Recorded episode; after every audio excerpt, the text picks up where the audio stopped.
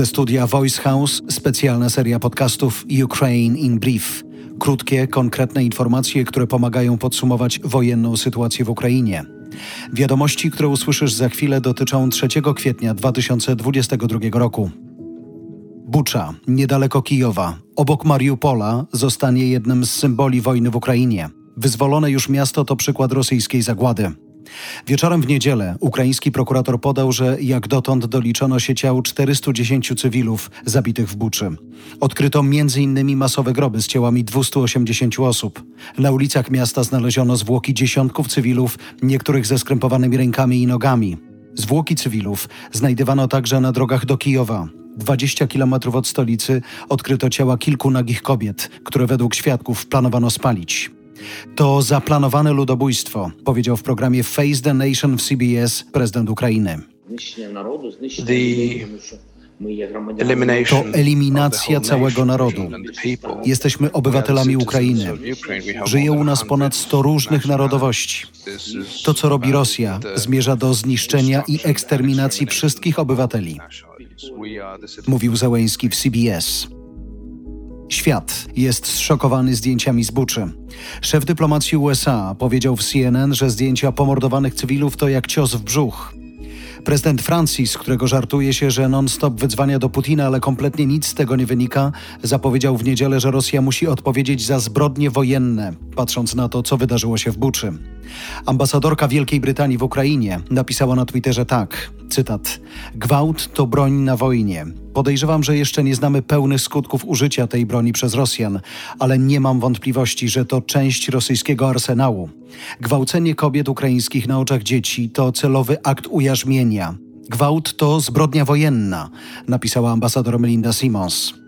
Organizacja Human Rights Watch oskarżyła Rosję o ewidentne zbrodnie wojenne na terenach obwodów Czernichowskiego, Charkowskiego i Kijowskiego. Dokumentacja, którą zbieramy, to dowód na niewyobrażalne, zaplanowane okrucieństwo rosyjskich żołnierzy na cywilach ukraińskich. Rzecznik prezydenta Ukrainy powiedział w BBC, że obrazy z uwolnionych miast łamią serce. Bardzo ciężko opisać to, co odkryliśmy, między innymi w uh, Buczy czy Irpieniu. To między innymi masowe groby, ale też ludzie zastrzeleni ze związanymi rękami i nogami. Um, Mieli dziury po kulach w tyle głowy. Według mnie to były egzekucje. Prezydent Zełęński na Facebooku pod zdjęciem z Buczy napisał tak. Rosyjskie matki powinny to zobaczyć. Popatrzcie, jakich drani wychowałyście. Zabójców, szabrowników, katów. Eksperci Ośrodka Studiów Wschodnich twierdzą, że intencją Rosji jest osłabienie ukraińskiego morale oraz chęci oporu. Wydaje się, że działania Rosji przyniosą jednak odwrotny skutek do zamierzonego, a oburzenie światowej opinii publicznej zwiększy presję na przywódców zachodnich w sprawie nałożenia na Rosję kolejnych sankcji. Takie pojawiły się zresztą zapowiedzi, choćby ze strony Niemiec. Według OSW trwające negocjacje rosyjsko-ukraińskie nie przynoszą efektu. Mimo to szef ukraińskiej delegacji uważa, że w najbliższym czasie może dojść do spotkania prezydentów Rosji i Ukrainy w Stambule lub Ankarze. Dzień wcześniej mówił o tym prezydent Turcji.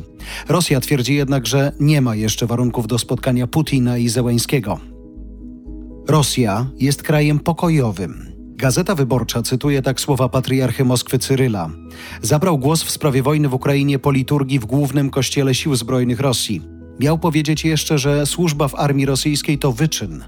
Nie mamy ochoty iść na wojnę, ani robić niczego, co mogłoby zaszkodzić innym, ale przez całą naszą historię byliśmy tak wychowani, że kochamy naszą ojczyznę i jesteśmy gotowi jej bronić. Cytuję słowa Cyryla Wyborcza. Gdyby Amerykanie poprosili nas o przechowanie amerykańskiej broni jądrowej w Polsce, bylibyśmy na to otwarci. Mówi w wywiadzie dla niemieckiej gazety Die Welt Jarosław Kaczyński.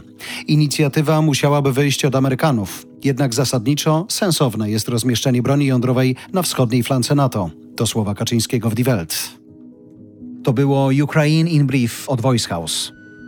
Kierownictwo produkcji Adrian Gronegliszka. Produkcja Dorota Żurkowska. Realizacja Kacper Majdan. Redakcja Agnieszka Szypielewicz i Olga Michałowska.